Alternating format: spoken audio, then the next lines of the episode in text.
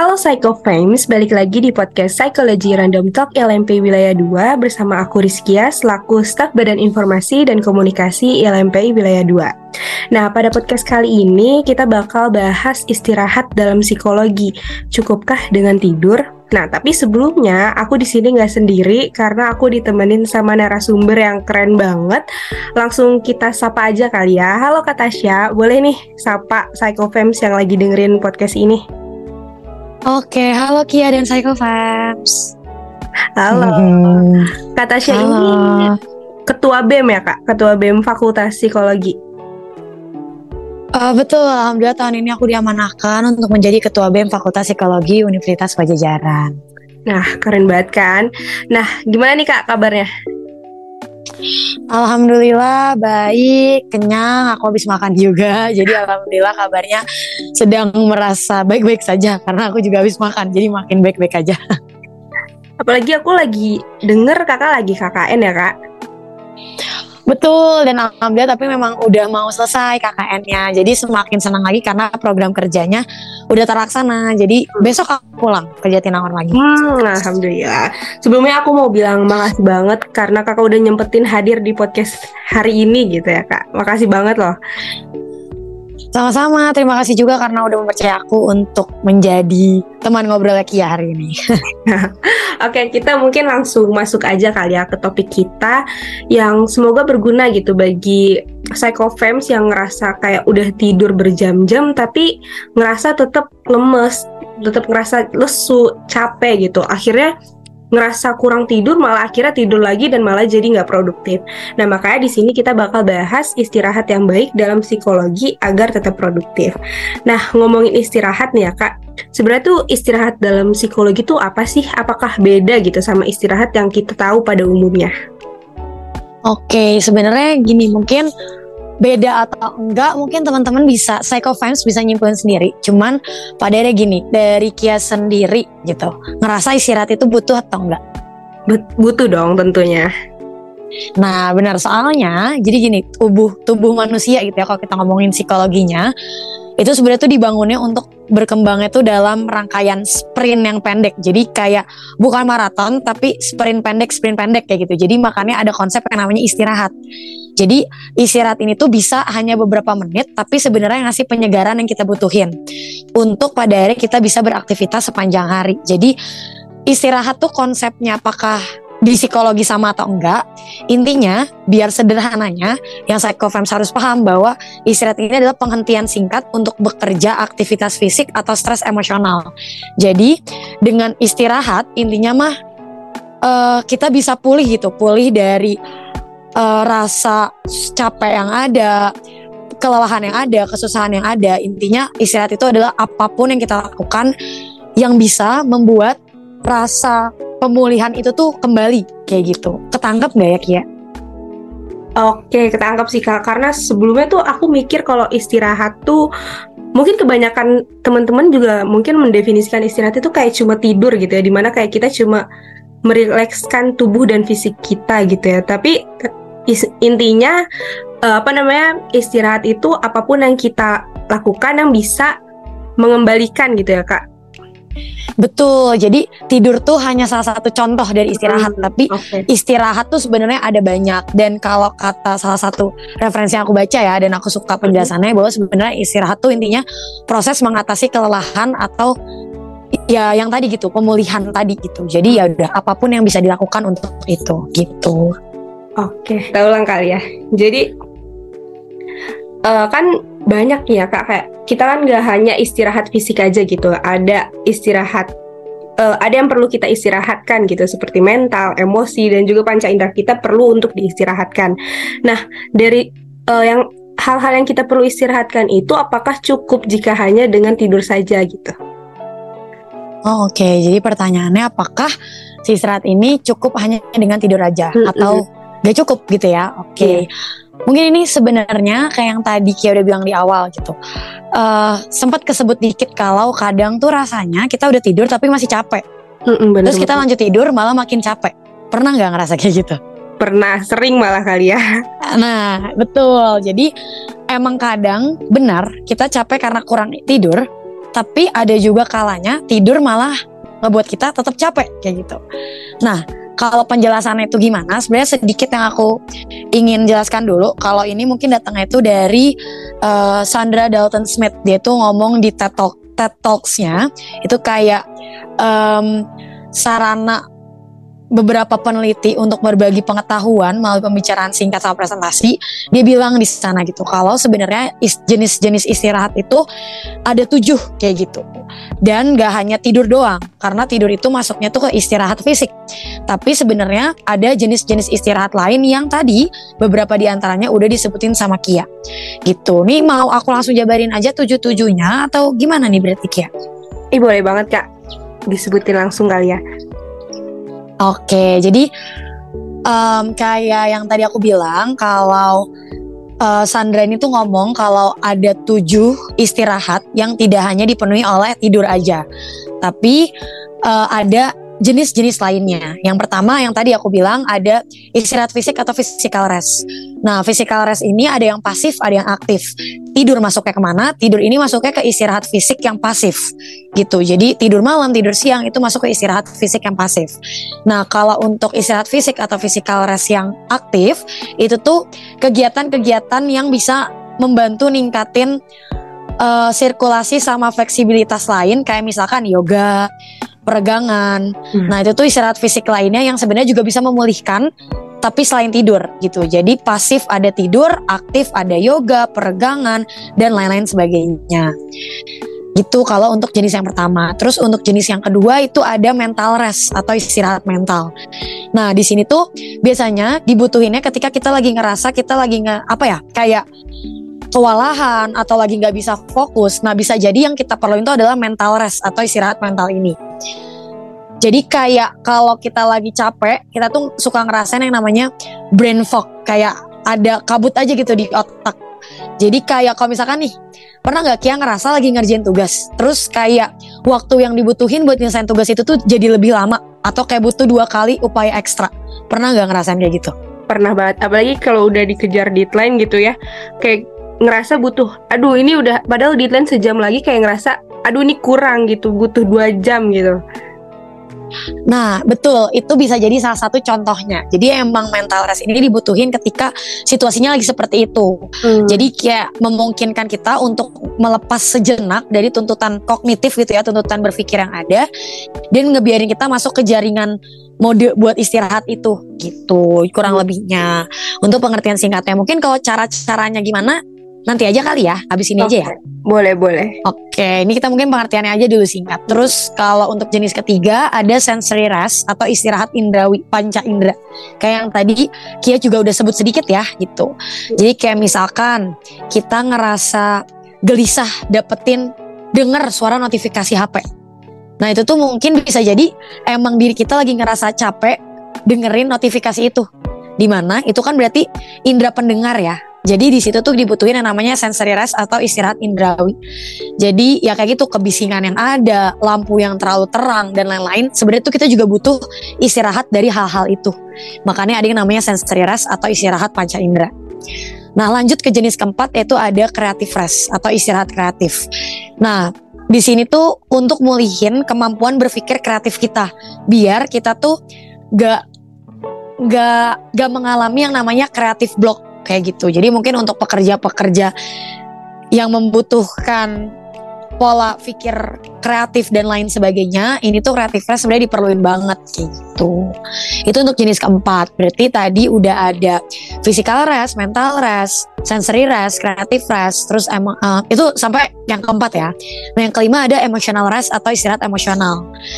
Nah, di sini ada kaitannya juga sebenarnya sama relasi dengan orang lain, tapi aspeknya emosi gitu. Jadi kita tuh ngebiarin kita, uh, eh, diri kita untuk mengekspresikan perasaan kita secara bebas tanpa memudirikan apakah orang lain itu uh, bisa nerima atau enggak. Jadi di sini tuh kita bisa bilang tidak di saat orang lain minta kita untuk iya. Ngerti nggak kurang lebihnya? Kebayang nggak ya? Oh, oke. Okay. Oke. Okay. Oke. Okay. Ini aku ulang dari emotional rest ya. Oke. Okay. Apakah nggak apa-apa aku ngomong aja dulu untuk emotional rest atau nunggu Ki aja dulu? Oke. Okay. Nah, selanjutnya jenis yang kelima itu ada emotional rest atau istirahat emosional. Nah, di sini uh, itu tuh jenis istirahat yang kita butuhin ketika kita ngerasa uh, kita tuh lagi capek untuk memenuhi keinginan atau ekspektasi orang lain yang ngebuat beban emosi itu tuh ada gitu. Jadi kayak di sinilah istirahat yang kita butuhkan untuk kita mendapatkan perasaan bebas kayak gitu. Nah itu untuk jenis kelima. Terus jenis keenam ada yang namanya social rest atau istirahat sosial. Nah di sini ini sebenarnya berkaitan sama emotional rest tadi. Jadi ketika kita membutuhkan istirahat emosional, biasanya kita juga mengalami yang namanya defisit istirahat sosial. Nah, biasanya nih orang-orang kan suka nyebut sekarang bahasanya me time kayak gitu kan. Nah, me time itu sebenarnya pemulihan untuk social rest kayak gitu. Social rest itu bisa kita butuhkan ketika yang terjadi adalah kita gagal untuk ngebedain hubungan yang membangkitkan semangat dan hubungan yang membuat kita merasa lelah. Jadi dengan adanya social rest, kita bisa ngelola energi kita untuk menemukan keseimbangan yang tepat antara hubungan yang menguras tenaga dan hubungan yang mengembalikan tenaga atau menyehatkan serta menginspirasi kita. Kayak gitu. Jadi uh, berkaitan sama emotional rest tapi ini fokusnya antara hubungan kita sama orang lain juga gitu. Nggak hanya sekedar perasaan kita. Oke okay. sekarang jenis rest yang terakhir atau jenis istirahat yang terakhir itu ada spiritual rest uh, atau istirahat spiritual. Jadi uh, kadang tuh kan kita suka ngerasa ini ya uh, apa ya kayak unconnected gitu kayak ngerasa terputus atau ngerasa we don't belong anywhere. Dan kadang itu tuh ngerasa kita tuh ngebikin kita ngerasa terhambat, ngebikin kita ngerasa kayak oh my god aku kecil banget di dunia ini gitu. Dan jadinya ada rasa di mana kita ingin bersandar ke sesuatu yang lebih besar, ke sesuatu yang lebih tinggi uh, daripada diri kita sendiri kayak gitu.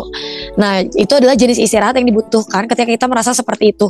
Kita membuat diri kita lebih dekat dengan hal yang lebih besar daripada diri kita kayak gitu untuk menerima perasaan belongingnya lagi, menerima perasaan connectednya lagi kepada dunia yang kita jalani. Karena dunia itu sendiri itu besar ya, dan kadang kita ngerasa kita hanya bagian kecil dari dunia, makanya kita ngerasa pengen bersandar ke sesuatu yang lebih besar bahkan yang bisa lebih besar daripada dunia itu sendiri kayak gitu kebayang nggak ya untuk tujuh jenis yang ada ki Oke, ternyata banyak juga ya kak jenis-jenis istirahat ada tujuh. Kalau misalnya aku boleh ulang sebutin aja kali ya.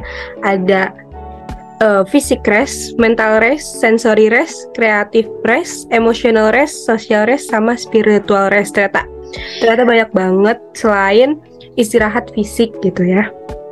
Benar, benar, benar. Banyak banget dan jadinya baik lagi faktanya adalah tidur bukan satu-satunya jawaban untuk ngembaliin uh, pemulihan itu gitu. Jadi ini emang semoga abis ini setelah kita dengerin ini gitu ya, kita mulai bisa fokus aja untuk mendapatkan jenis istirahat yang tepat sesuai apa yang kita butuhin. Itu sih Ki. Ternyata tidur tuh hanya salah satu saja gitu ya. Betul. Oke, biar kita memperdalam dari tujuh jenis istirahat tadi kali ya kak. Tadi kan baru kayak mungkin di uh, apa ya diartikan gitu, didefinisikan uh, istirahat itu tuh, eh, maksudnya jenis-jenis istirahat itu apa? Uh, mungkin sekarang kita uh, apa aja macam-macam dari uh, istirahatnya istirahat fisik tersebut. Kayak misalnya istirahat fisik itu tuh contohnya kayak gimana sih tuh? Gimana kita bisa mengistirahatkan fisik kita? Kita dengan cara apa gitu? Kayak misalnya tidur kah? Atau tadi kan juga udah disebutin sama Kak Tasya juga kalau istirahat fisik itu kita bisa dengan cara tidur dengan cara yoga ya Kak. Dan yang lainnya tuh iya benar. sih caranya itu. Oke, kalau tadi aku ngomongin berarti tentang uh, itu tuh apa? Berarti sekarang aku ngomongin ini itu caranya gimana? Gitu ya? Nah betul Oke, okay, nah mungkin yang dari satu-satu ya, aku sesuai boleh, dengan boleh. tadi deh, gitu ya. Oke, mungkin untuk physical rest atau istirahat fisik, sebenarnya tadi udah aku sebutin sedikit di awal.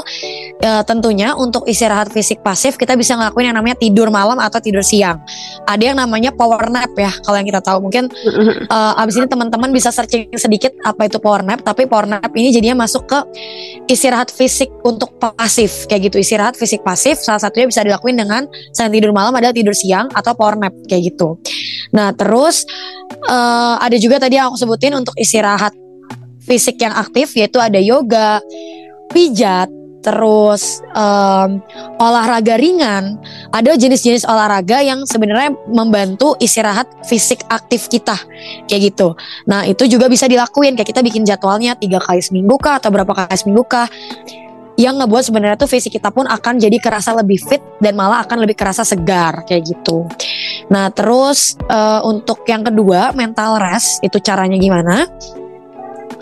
Kadang tuh kayak misalkan tadi uh, kalau Kia kan tadi ceritanya kalau mentalnya mungkin salah satu contohnya adalah ketika lagi dikejar deadline mm-hmm. tapi ngerasa capek juga ya terus gimana padahal lagi dikejar deadline kayak gitu ya yeah. nah sebenarnya tuh ada banyak cara ada banyak cara misalkan kayak kadang tuh misalkan nih deadline tapi sebenarnya kalau kita lihat lagi waktunya kita misalkan punya 6 jam kita punya dua jam.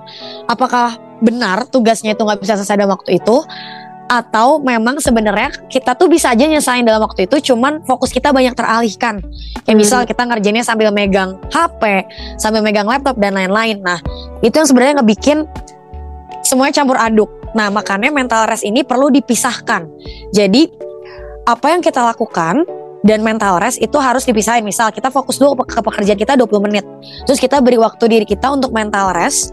Kayak untuk diem berhenti dari ngetik, tarik nafas dalam-dalam. Atau ya udah diem aja gitu ngeliatin hal lain selama misalkan 10 menit atau 5 menit sesuai aja dengan waktu yang kita punya. Nah itu tuh yang namanya mental rest. Jadi nggak nyampur kayak gitu. Jadi biar ketara mana yang kita lagi kerjakan, mana yang mental rest tadi gitu. Jadi mental rest caranya gimana? Sebenarnya gampang banget mental rest ini. Kayak ya udah uh, disesuaikan aja dengan waktu yang kita punya. Intinya mental rest ini adalah caranya kita ngasih waktu ekstra kita waktu ekstra buat diri kita untuk istirahat sejenak. Entah itu hanya narik nafas sebentar, entah itu untuk berdiri berdiri karena kita habis duduk 30 menit. Nah, kayak gitu. Jadi intinya istirahat-istirahat yang sebenarnya itu bisa nyolong-nyolong waktu kayak gitu. Itu untuk mental rest. Kebayang nggak ya? Ki? Ya, kebayang sih, Kak. Oke, nah aku lanjut aja ke sensory rest. Sensory rest ini uh, yang tadi aku bilang ya, ini kan berarti tentang istirahat dari panca indera tentang dari penglihatan misalkan cahaya terang di laptop. Uh, ini salah satu yang aku lakuin ya. Mungkin aku nggak tahu apakah ini bisa menjadi tips yang relevan buat teman-teman. Cuman yang aku lakuin ketika aku lagi capek, misalkan aku butuh belajar nih, tapi aku lagi capek untuk melihat layar yang terang banget. Jadinya aku belajarnya di buku fisiknya. Atau kalau aku lagi capek ngelihat tulisan banyak, aku nyiapin belajar dengan voice note aku sendiri. Jadi apa yang aku tulis tuh aku ucapin. Jadinya aku istirahat mata dan aku belajarnya dari pendengaran aku. Kebayang nggak? Aku ganti sensorinya. Wah, kayak iya. gitu. Nah itu tuh aku ngerasa alhamdulillah tuh ngebantu banget. Jadi kayak kadang apa ya bahkan belajar tuh bukan jadi hal yang membosankan karena caranya beda-beda. Tergantung aku nyesuainya adalah tergantung aku lagi capeknya karena apa. Karena aku lagi sering ngeliat layar kah? Atau malah karena aku lagi sering ada di tempat luar bising makanya aku butuh fokusnya liatnya dari mata kayak gitu. Jadi istirahat panca indera ini tuh banyak banget bentuknya. Uh, mengurangi kita ngeliat cahaya terang atau misalkan kita tidur dengan cahaya gelap. Itu tuh udah disebut sensory rest juga sebenarnya. Karena mungkin kita berkegiatannya dengan cahaya-cahaya terang dari HP dari laptop dan lain-lain. Atau kayak misalkan kita cari tempat yang lebih tenang. Karena di rumah kita belajar lagi ada yang renovasi nih tetangga jadinya pendengaran kita tuh kayak capek aja ngedengarnya. Nah kita cari tempat yang lebih tenang kayak gitu. Jadi intinya uh, mengistirahatkan indera kita aja sih gitu. Ke, ke kebayang nggak ya tips tadi secara singkat? Bayang banget sih tapi cukup keren banget ya tipsnya karena aku nggak pernah kepikiran kayak capek nih ngeliat laptop baca-baca misalnya baca-baca uh, baca-baca materi untuk kuas gitu. Nggak kebayang kayak gimana rekam gitu. Direkam terus kita ganti. Jadi kita belajarnya tuh lewat voice note apa uh, apa yang udah kita buat. Jadi kalau mata kita capek kita bisa dengerin uh, voice note kita gitu. Jadinya kita merubah dari yang uh, sensorinya awalnya penglihatan diubah ke pendengaran. Itu itu tipsnya sangat membantu sih menurut aku Alhamdulillah. Iya, jadi mungkin bisa dilakuin ya sama kayak sama teman-teman selanjut. Teman-teman habis dengerin ini gitu bisa ngelakuin itu semoga gitu. Iya. Oke, mungkin langsung ya kita ke Creative Fresh caranya gimana. Nah, kalau Creative Fresh yang tadi ini kan biasanya datang dari kita lagi ngerasain yang namanya creative block gitu. Kayak kita ngerasa idenya itu itu aja, nggak ada ide lagi dan lain-lain. Nah, itu bisa kita lakuin buat pulih lagi kreativitas itu dengan cara kita ngebiarin diri kita buat menikmati satu keindahan alam, dua keindahan seni. Tapi intinya kita menikmati karya-karya indah lainnya di luar yang kita ciptain sendiri. Jadi kita kayak menikmati menikmati hasil pencipta lainnya aja gitu. Di mana sebenarnya itu bisa ngebikin kita ngerasa kreatif lagi. Atau kita bisa ngubah misalkan ruang kerja, ruang belajar, kamar kita jadi suasana yang baru. Itu bisa memulihkan kreatif tadi. Itu bisa disebut kreatif fresh. Atau misalkan kalau aku suka lakuin, misalkan aku banyak kegiatan di laptop. Terus aku tuh bosen aja ngeliat laptop aku tuh backgroundnya itu-itu lagi. Aku suka ganti background laptopku kayak gitu. Itu termasuk ke kreatif fresh karena kadang tuh kayak suka jadinya gimana ya ngeliat laptop tuh jadi seneng aja kayak ih cantik ih estetik. Jadinya hmm. semangatnya bangkit lagi aja kayak gitu. Itu hal-hal sederhana yang bisa dilakuin. Intinya mah kayak nyoba bikin lingkungan yang baru kayak gitu. Dengan segampang mungkin yang kalian bisa aja. Kalau misalnya kalian lagi nggak bisa ke alam ya tadi bikin suasana kerja yang beda di rumah. Kalau kalian lagi nggak bisa ke tempat-tempat seni lainnya yaitu coba kalian istirahat dengan mungkin buka-buka Pinterest atau gimana. Nah itu tuh sebenarnya termasuk ke kreatif fresh kayak gitu. Intinya mah melakukan sesuatu buat bersenang-senang aja tanpa kita berpikir apakah yang aku hasilkan bisa harus terjual atau harus kebagiin atau gimana. Intinya kita mengistirahatkan dari pikiran itu jadinya dengan cara-cara yang tadi kayak gitu. Intinya bisa dengan membenamkan diri dengan kreativitas orang lain kayak gitu atau bisa juga berkumpul sama orang-orang atau teman-teman yang bisa menginspirasi kita kayak gitu intinya. Itu buat kreatif rest. Nah selanjutnya ada emotional rest kayak gitu. Tapi buat kreatif rest kebayang lah ya Ki. Iya justru malah jangan maksain kita untuk menghasilkan sesuatu kali ya kak kalau misalnya lagi uh, mengistirahat uh, kreatif rest itu Benar-benar, jadi nggak usah dipaksain, kita bisa nikmatin karya orang lain dulu aja, atau kita bikin sesuatu yang sederhana tapi buat cuma buat ganti lingkungannya aja gitu. Oh iya, oke oke. Oke, nah selanjutnya mungkin ada emotional rest ya atau istirahat emosional. Intinya mah di sini gini, uh, apa uh, kita melakukan sesuatu yang bisa ngasih diri kita perasaan bebas tanpa harus memikirkan apakah orang lain senang atau tidak kayak gitu. Tapi baik lagi ya jangan sampai merugikan orang lain atau diri kita sendiri hmm. juga. Cuman intinya hal-hal yang kita lakuin tuh bisa ngebuat ngebuat diri kita ngerasain itu. Kayak misal uh, lagi ngerasa capek, lagi ngerasa pengen sendiri dulu, lagi ngerasa pengen uh, lagi nggak pengen diganggu dulu gitu karena lagi butuh emotional rest. Yang bisa dilakuin adalah komunikasi. Makanya dia yang bilang komunikasi itu penting, ya nggak Ki? Iya bener banget. Karena itu sebenarnya kita bisa mengkomunikasikan itu. Misalkan kalau yang aku tarik ke lingkungan organisasi aku sendiri, sebenarnya kalau di BEM FAPSI sendiri, ketika kita lagi ngerasa, kita selalu bilang bahwa berkabar itu hal yang utama. Jadi kalau misalkan nih, kita lagi ada ngerjain sesuatu hal, tapi kita lagi capek dan butuh istirahat dulu misalkan satu hari. Nah, Gak apa-apa, asalkan gak ngilang aja. Jadi kabarin aja, aku lagi capek, kayak sehari ini pengen ke sini-sini dulu, pengen gini-gini dulu. Uh, jadi kalau ada sesuatu yang penting mungkin bisa langsung telepon atau kalau nggak penting mungkin aku pengen tidak dihubungi dulu. Kebayang nggak? Iya. Jadi itu tuh disebut emotional rest kayak gitu. Dan memang itu dibutuhkan. Oke, jadi komunikasi lah yakin ya, ya komunikasiin sama orang-orang sekitar yang mungkin membutuhkan kita kali ya maksudnya uh, untuk tidak dihubungi dulu agar emosional emosional kita bisa stabil dulu gitu. Oke. Bener, bener, bener, bener banget kayak gitu salah satu contohnya kayak gitu. Jadi intinya mengkomunikasiin aja, jujur aja dengan perasaan yang kamu punya atau dengan situasi emosi apa yang kamu miliki kayak gitu. Nah terus mungkin lanjut kita ke social rest. Nah, caranya gimana? Nah, ini kita perlu yang tadi karena ini datang dari uh, kita yang lagi apa ya? Lagi ngerasa kalau sama orang-orang ini tuh tenaganya nggak pulih, maka caranya adalah kita cari orang-orang mana yang bisa ngebuat kita ngerasa positif lagi dan disupport juga sama mereka. Intinya uh, social rest bisa dilakukan uh, dengan menciptakan atau mencari lingkungan sosial lain yang membuat kita ngerasa didukung juga kayak gitu. Jadi uh, ya gitu mengelilingi diri kita dengan orang-orang yang kita rasa mereka ngasih energi buat kita. Atau kalau misalkan sosial restnya dibutuhin adalah kita lagi capek sama semua lingkungan sosial maka ini balik lagi ini mirip dengan cara emosional rest tadi. Kita bilang kita lagi butuh waktu sendiri. Kita bilang kita lagi butuh me time. Katakan tidak kalau memang kita lagi ngerasa tidak gitu. Jadi gak apa-apa untuk menolak kayak beberapa ajakan dari teman untuk main dan lain-lain. Kalau emang lagi pengen istirahat dari semua lingkungan sosial. Tapi sosial rest juga sebenarnya gak hanya tentang kita pengen sendiri tapi bisa jadi lingkungan sosial itu aja yang lagi bikin kita capek. Tapi lingkungan sosial lain memulihkan tenaga kita. Kayak gitu. Atau cara lainnya adalah uh, kita lagi sosial rest yang bisa dilakukan adalah mengubah kebiasaan kita kalau lagi main sama teman-teman. Misalkan sama-sama sama teman-teman biasa biasanya kita nonton bioskop terus makan tapi kegiatan itu tuh ngebuat kita ngerasa pada akhirnya drain energi lagi Nah, hmm. tapi sebenarnya kita pengen ketemu mereka karena mereka tuh orang-orang yang ngebuat kita tuh ngerasa semangatnya balik lagi. Nah, yang bisa dilakuin mungkin adalah ngubah si aktivitasnya.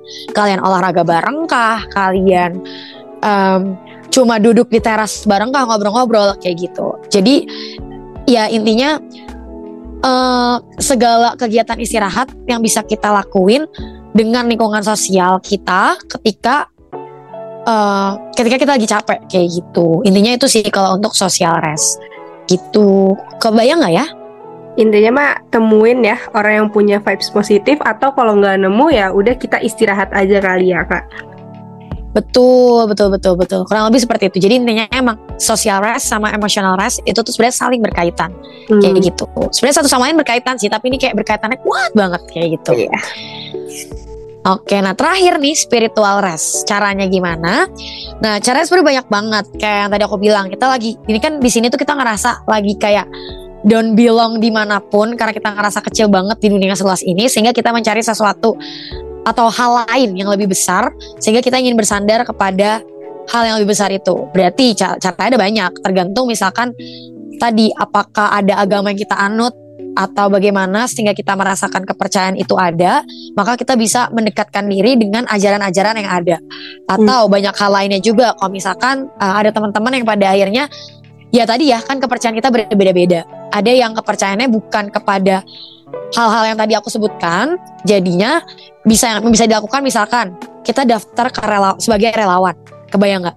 Ketika kita daftar sebagai relawan, uh, ada perasaan belonging yang muncul, ada perasaan yang kayak nggak buat kita kita bisa lebih besar dari masalah kita sendiri sehingga kita bisa makanya kita bisa membantu orang lain. Hmm. Jadi sebenarnya uh, menjadi relawan itu tuh sebenarnya bisa masuk ke spiritual rest sebenarnya karena kita jadi ngerasa wow aku bisa lebih besar dari masalah aku sendiri kayak gitu. Hmm. Terus bisa juga kita gabung ke komunitas spiritual lainnya. Kita cari teman diskusi buat ngomongin yang tadi ya spiritual spiritual yang kita ras kita yakini, yang kita lagi ragu dan lain-lain sebagainya.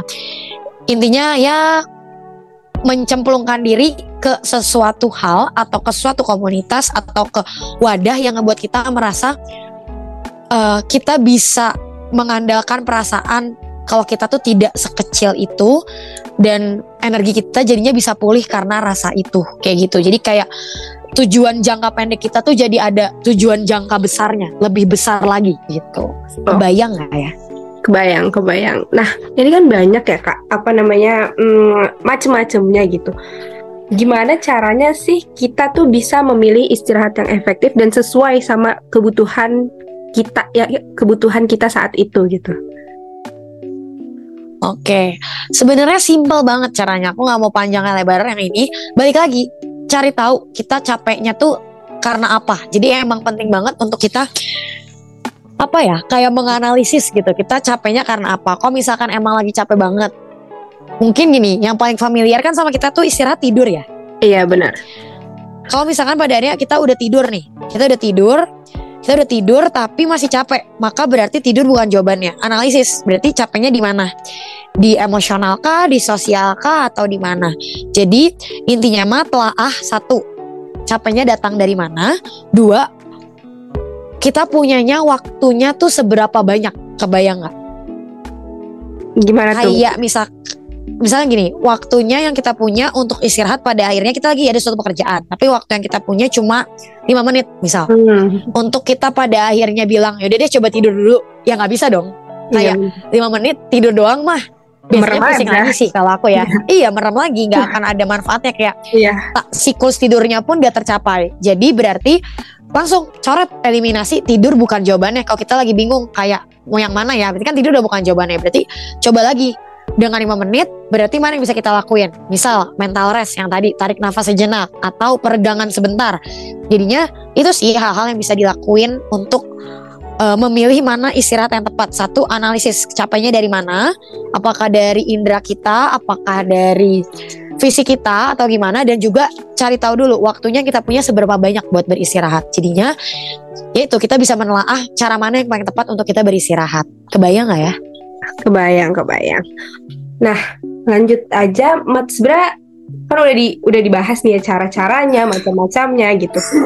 Terus emang apa sih manfaat yang bisa kita peroleh gitu dari istirahat yang cukup efektif dan juga benar dalam psikologi? Oke, sebenarnya ini ya eh, sebelum aku bilang sebenarnya manfaatnya apa, yang perlu kita semua garis bawahi bahwa istirahat itu bukan opsional sebenarnya. Kayak kerja sama istirahat itu tuh partner.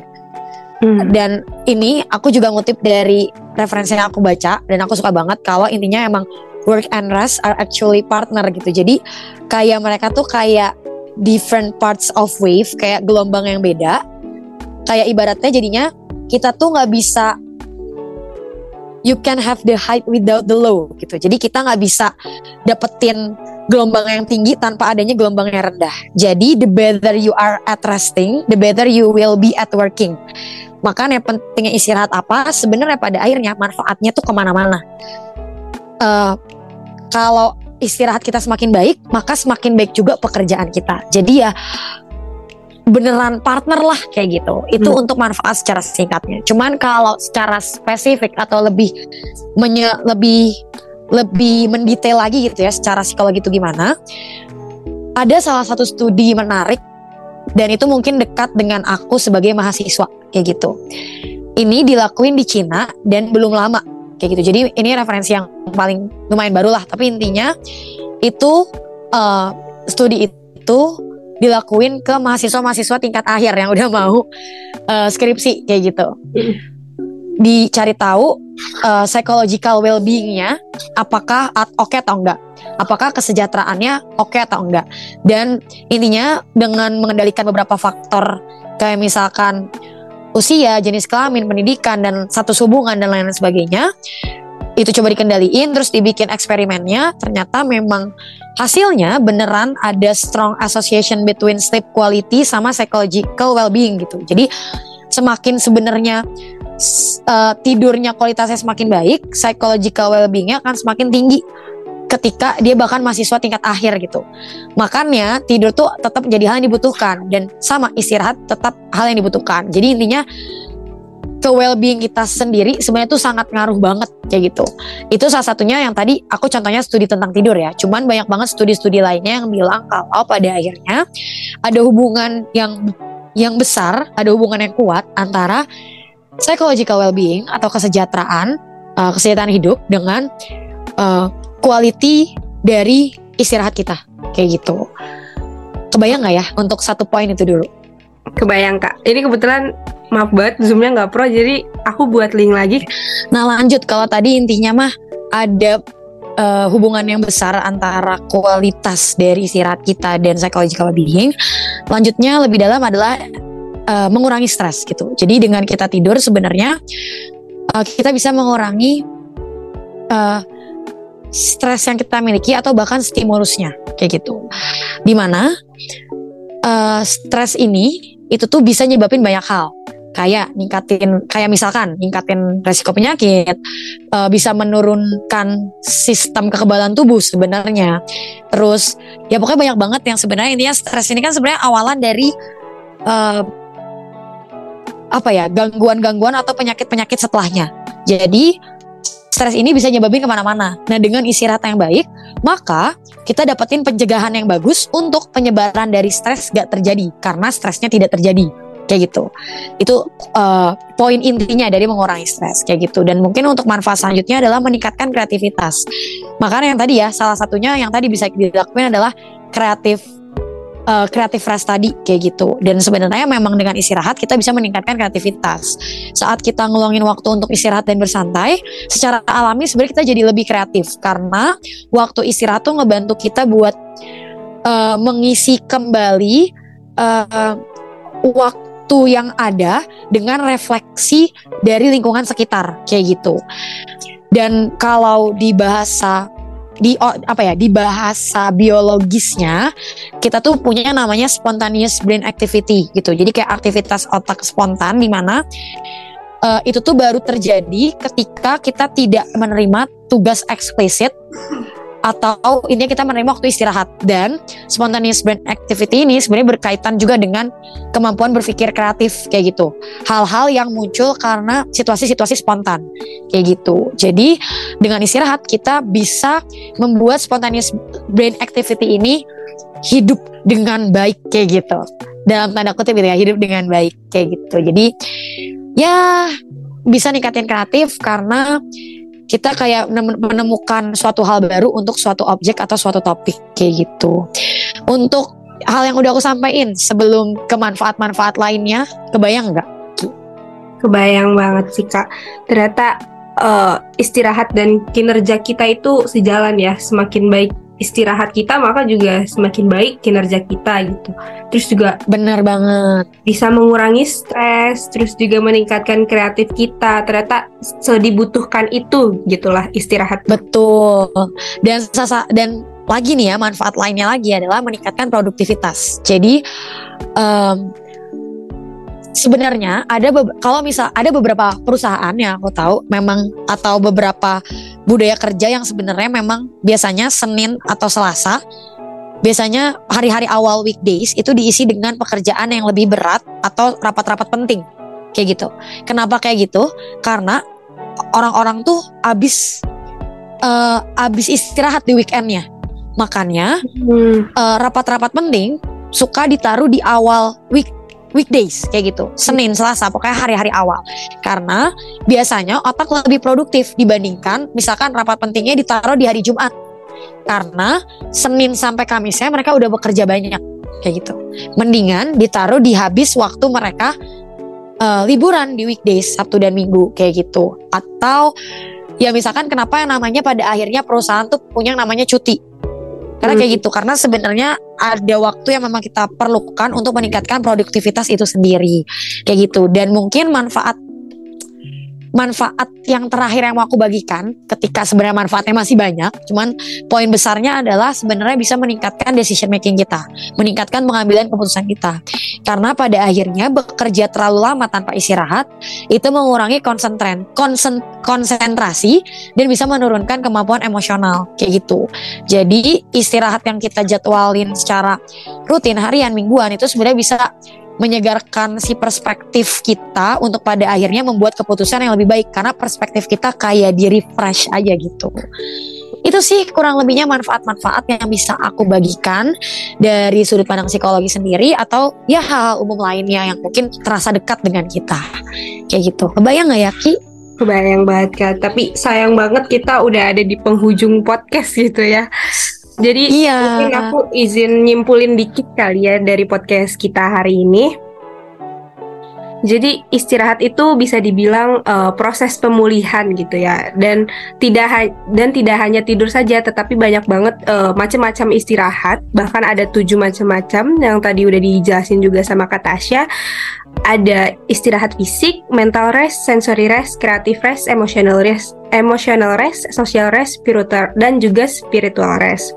Dan dan juga istirahat yang cukup efektif dan juga benar dalam psikologi itu banyak banget manfaatnya.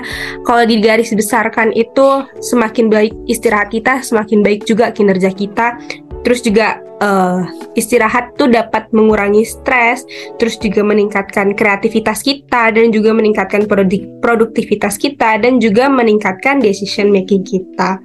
Makasih banyak banget kata Benar banget. Hmm, udah jadi narasumber kita uh, pada hari ini. Mungkin ada uh, kalimat penutup dari Katasha. Oke, mungkin intinya kalau dari apa yang kita obrolin hari ini yang harus kita semua ingat bahwa rest to involve your whole being, semuanya, semua bagian dari diri kita. Uh, istirahat ningkatin itu semua, bahkan ningkatin yang tadi produktivitas kita, kemampuan berpikir kreatif kita, bagaimana kita berrelasi dengan orang lain juga. Karena ketika kita lagi capek, kadang ada hal yang kita lakuin jadinya nggak maksimal dalam kita berkomunikasi dengan orang lain. Jadi memang rest involve your whole being, not just your body. Jadi manfaat istirahat itu banyak banget. Jadi jangan sampai kita semua kurang dalam beristirahat. Dan yang harus diingat, istirahat ada banyak jenisnya, sehingga pasti kita selalu punya waktu untuk beristirahat dan istirahat sama kerja itu adalah partner. Gak bisa kita pisahin dan dua-duanya bukan merupakan opsi. Tapi harus kita jalankan kayak gitu. Mungkin itu aja penutup dari aku. Oke makasih banyak sekali lagi Kak Tasya. Terima kasih juga Kia. Oke, terus juga terima kasih buat Psychofems yang udah denger sampai uh, denger podcast hari ini. Sampai jumpa di podcast selanjutnya. Dadah. Dadah. Sampai jumpa. Sampai jumpa Psycho Fans.